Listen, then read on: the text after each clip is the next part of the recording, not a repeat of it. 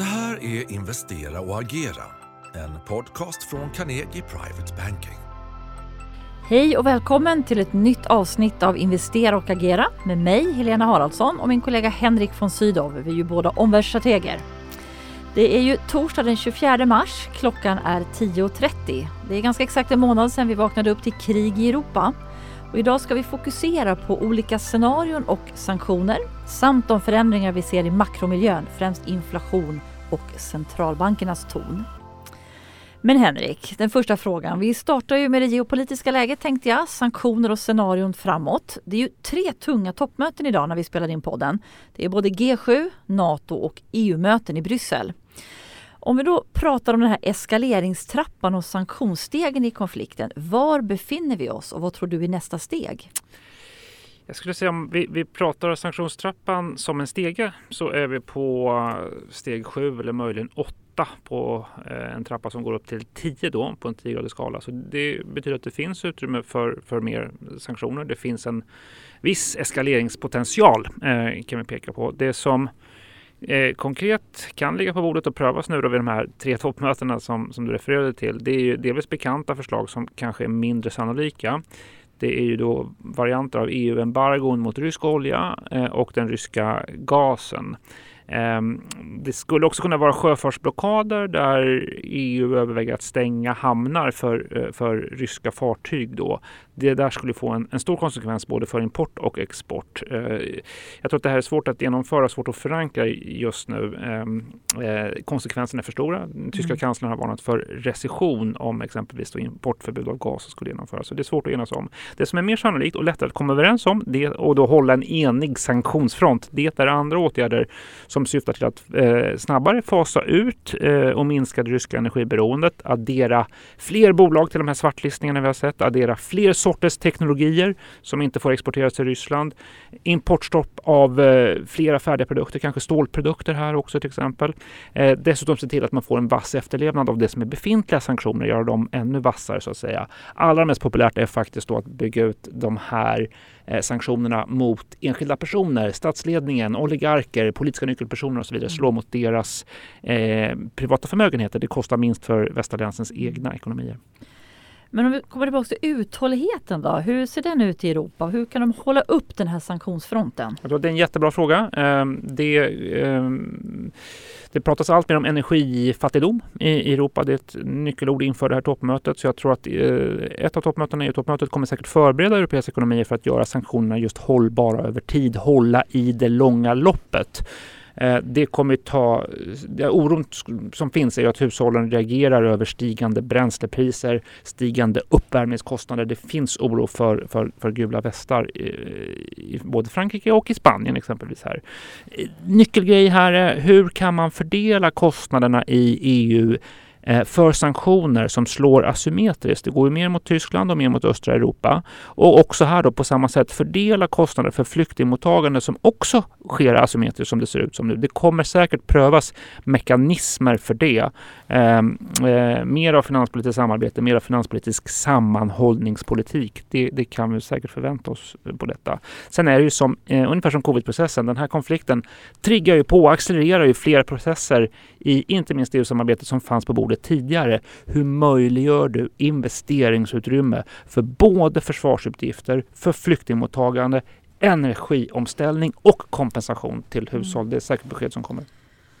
Det är mycket som ska kompenseras där, men Henrik, finns det en väg ut ur den här sanktionsfällan? Ja, det kan du säga så här att när, när du kommer tillräckligt högt upp på en sanktionstrappa eh, och det inte går att fatta beslut om att komma högre, då kan man säga att då förändras användningen av vapnet eller dynamiken i, i hur man använder det här. Istället för att vara en piska så finns ju potentialen då att det faktiskt blir mer av en morot där du försöker mm. belöna beteenden med lättnader av sanktioner. Jag tror att där är vi inte riktigt än. Mm. Där måste du se mer att de sanktioner som är på plats svider mera, ger tydliga resultat och ökar efterfrågan på lättnader mm. för att då uppmuntra ett beteende. Så vi är inte mm. riktigt där än, men det skulle kunna vara ett sätt. Sen mm. får man kolla på vilka politiska mål som eh, ska uppfyllas för att eh, som är syftet med funktionerna. Mm. Är det regimskifte? Är det få ryssarna till förhandlingsbordet? Eller är det att eh, ja, demontera den ryska kapaciteten att mm. driva konflikter utomlands? Ja, det är mycket att välja på här men om man skulle ta, liksom, rangordna lite olika scenarion. Vad är det du ser framför dig då? Vad kan vara positivt, vad kan vara negativt? Ja, det finns tre scenarier eh, för att förenkla något. Ett bärscenario, ett eh, bullscenario och ett basscenario. Bärscenariot är att eh, vi då riskerar att få en växande konflikt som, som eskalerar internationellt. Det skulle ju kunna vara då att Ryssland passerar en moralisk gräns i sin krigsföring som, som mm. tvingar västländerna, eller koalitioner med västländerna att, att agera för att skydda eh, civilbefolkningen. Det skulle kunna vara att Putin slår till mot vapenleveranser i grannländer till Ukraina, eh, vilket gör att fler länder dras in i kriget. Det skulle också kunna vara att Kina stöttar Ryssland på ett sätt som gör att de hamnar under det eh, sanktionsnätet från både Europa och USA, vilket ehm, eh, förstås skulle geoekonomiskt och ekonomiskt ehm, eh, göra större skadeverkningar för världsekonomin i det här. Det är scenarion som aktiemarknaden inte är positionerad för eh, ännu. Eh, det är ett scenario som finns på bordet, kanske 30 sannolikhet för, för en, en eskalering och internationalisering av det. det skulle naturligtvis betyda för marknaden att oron kommer tillbaka och vi får ett förnyat fokus på kriget och konflikten. Bullscenariot, det är att vi får hitta då en stormaktsformering som sätter press på parterna som sätter press på både Ryssland och Ukraina och kanske till och med presenterar en delningsplan. Om det är två boxare som liksom Eh, under en lång tid står och hänger på varandra så kan ju domaren gå in och, och, så säga, bryta matchen. Det här skulle vara jättetufft för alla parter, tufft att få till det. Men det skulle sätta stopp för konflikten, tvinga fram en, ett eldupphör mm. och en, en fredsprocess. Mm. Eh, sannolikheten kanske 20 procent.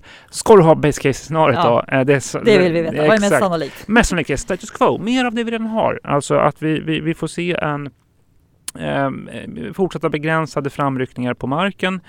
Eh, den ryska anfallskraften kan inte öka, man kan inte eskalera det här, man bör istället hushålla med sin krigsföring. Eh, det här kommer förstås, eh, de, de trycks heller inte tillbaka av Ukraina, det blir ett eh, utdraget lidande för civilbehållningar. De förhandlingar som sker, de präglas både av genombrott i rubrikerna och sen följs det av sammanbrott, så de går inte på riktigt substantiellt framåt i det där. Eh, marknaden lär sig leva med konflikten på det här sättet. Man anpassar sig till det, man får en ökad klarhet om konsekvenserna av sanktioner. Eh, det, det Eh, konsekvenserna blir något klarare. Eh, nyckelfrågan här är förstås hur utdraget. Mm. Vad, vad, är tiden i det här? Mm. Eh, om man kan säga att det positiva är att man, marknaden lär sig leva med konsekvenserna och anpassa sig så är ju då det negativa att det här ser ut att bli utdraget. Det, kan, det, det är svårt att se en vapenvila och stadga som en vapenvila som har en stadga och stabilitet mm. och att det mm. ja, egentligen då infaller före halvårsskiftet. Så det är utdraget. Sen måste jag ju fråga Henrik, finns det ett blue sky scenario? Vad är det i så Det gör det. Vi kan sluta med det då. Det, det är ju att, en, att Ryssland misslyckas med sin krigsföring. Anfallskraften går ur och det i sin tur triggar då en palatskupp i Moskva. Eh, det, det, det, skulle säkert vara en turbulent process ska sägas, men det skulle också då kunna trigga ett eh, regimskifte som skapar en överenskommelse med Ukraina och gör att väst lättar på sina sanktioner. Ska vi prata mer och sätta, sätta den här konflikten i ett eh, ännu mer då makro och marknadssammanhang, Helena? Eh, konflikten kom i ett läge där vi redan hade en besvärande inflation eh, och eh, konflikten bidrar i allra högsta grad till att accelerera den utvecklingen. Vad ser du för, för inflationssignaler nu? Ja, du har ju helt rätt Henrik. Alltså, läget har ju blivit, ett bekymmersamt läge har blivit ännu mer bekymmersamt. För redan innan invasionen så hade ju USA 8% inflation, Europa 6, Sverige 4,5. Eh, och det här är februarisiffror. Kriget bröt ut och invasionen inleddes 24 februari. Vi har också sett hiskliga producentprisökningar, alltså tidigare produktionsläge upp mot till exempel i Tyskland då över 25 procent i årstakt.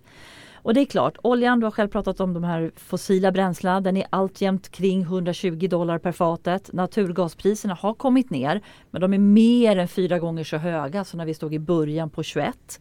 Och det nya då det är att livsmedelspriser, alltså spannmål blir dyrare, transporterna blir dyrare, konstgödsel stiger i pris, även foder till djurhållning och så vidare. Så det är liksom en bre mer bredd i den här inflationsuppgången. Eh, det intressanta tycker jag är att våra portföljförvaltare de träffar ju bolag och företagen de bedömer att de kan höja priserna. De pratar en del om leveransproblem men tror att man kan skjuta kostnader vidare. Och det är också vad vi ser eh, att de kan.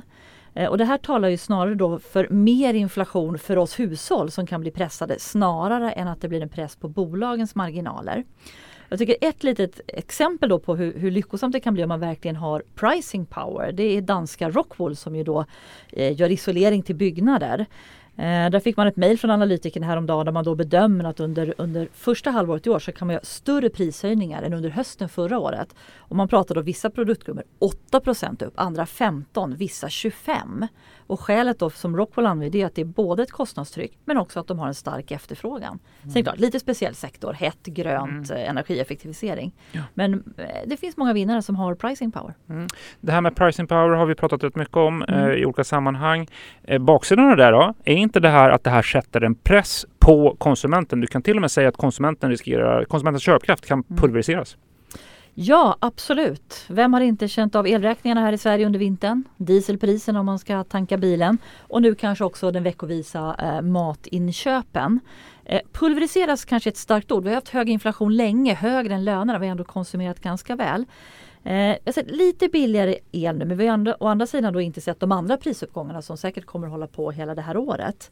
Eh, jag skulle säga så att konsensusprognoserna för Europas inflation de är att vi ska fortsätta se en uppgång upp mot 7 Eh, sen ska vi ligga kvar över en inflationstakt på 5 en bra bit in i andra halvåret och först vid årsskiftet då ner, nå ner mot 4% Det är ändå dubbla centralbanksmålet.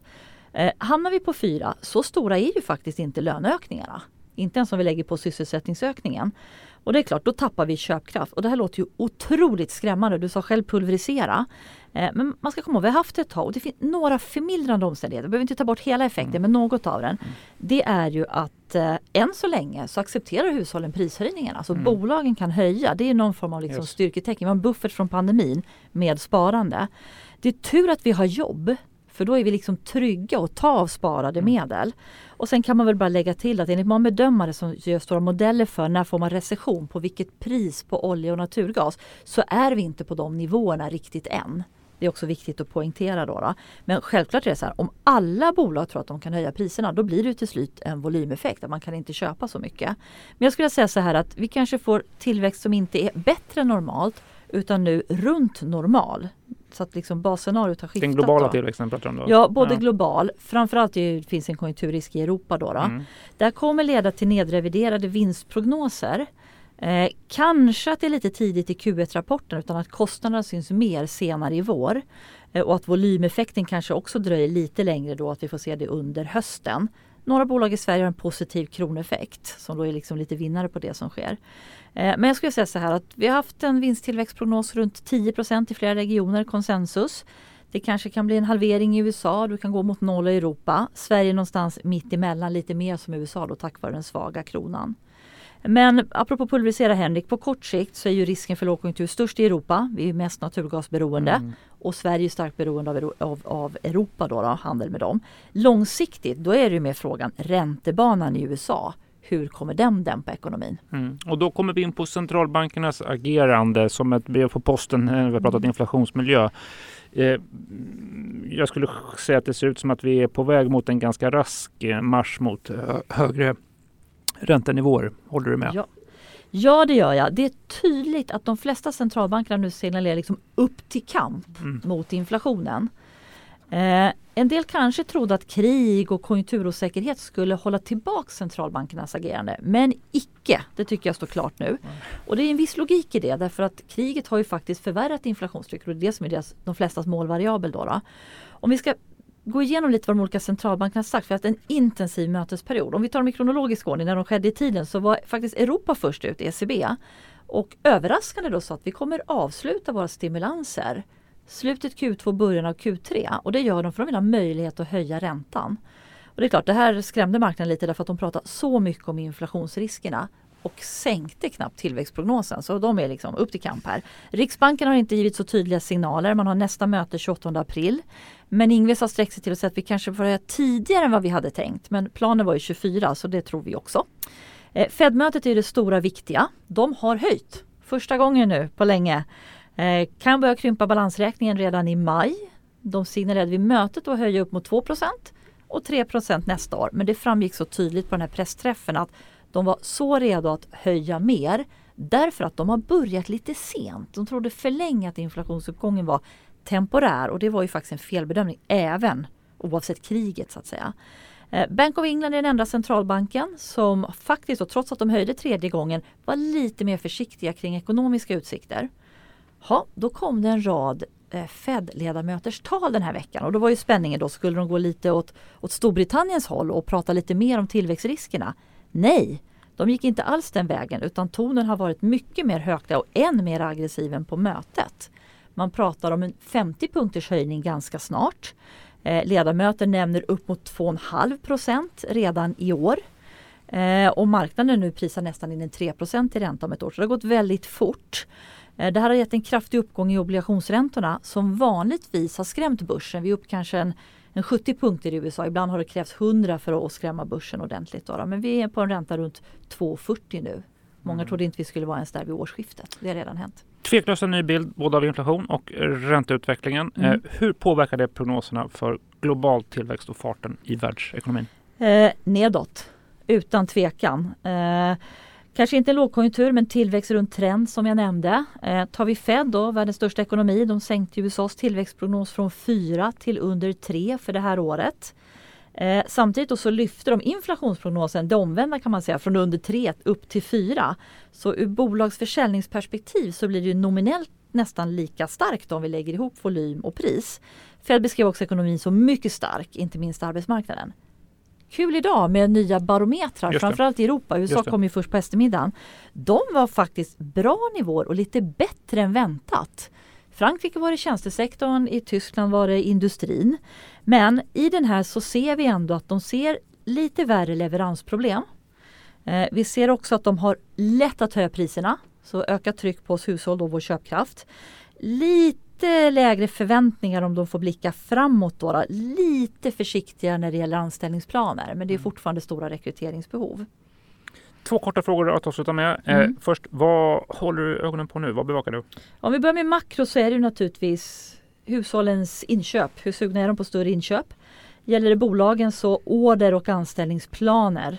Eh, och då blir ju nästa rapportsäsong spännande. Den inleds i slutet på april. Då. Eh, tittar vi på finansiella marknaden då vet jag att man tittar mycket på skillnaden mellan korta obligationsräntor och långa. Eh, om de så att säga byter plats och den korta blir högre då brukar det signalera en konjunkturavmattning inom ett till två år. Eh, och oavsett om man håller med om det här är en bra indikator eller inte så kommer marknaden bli orolig. Det positiva är att den är ännu inte negativ. Den är runt eh, 20 punkter plus.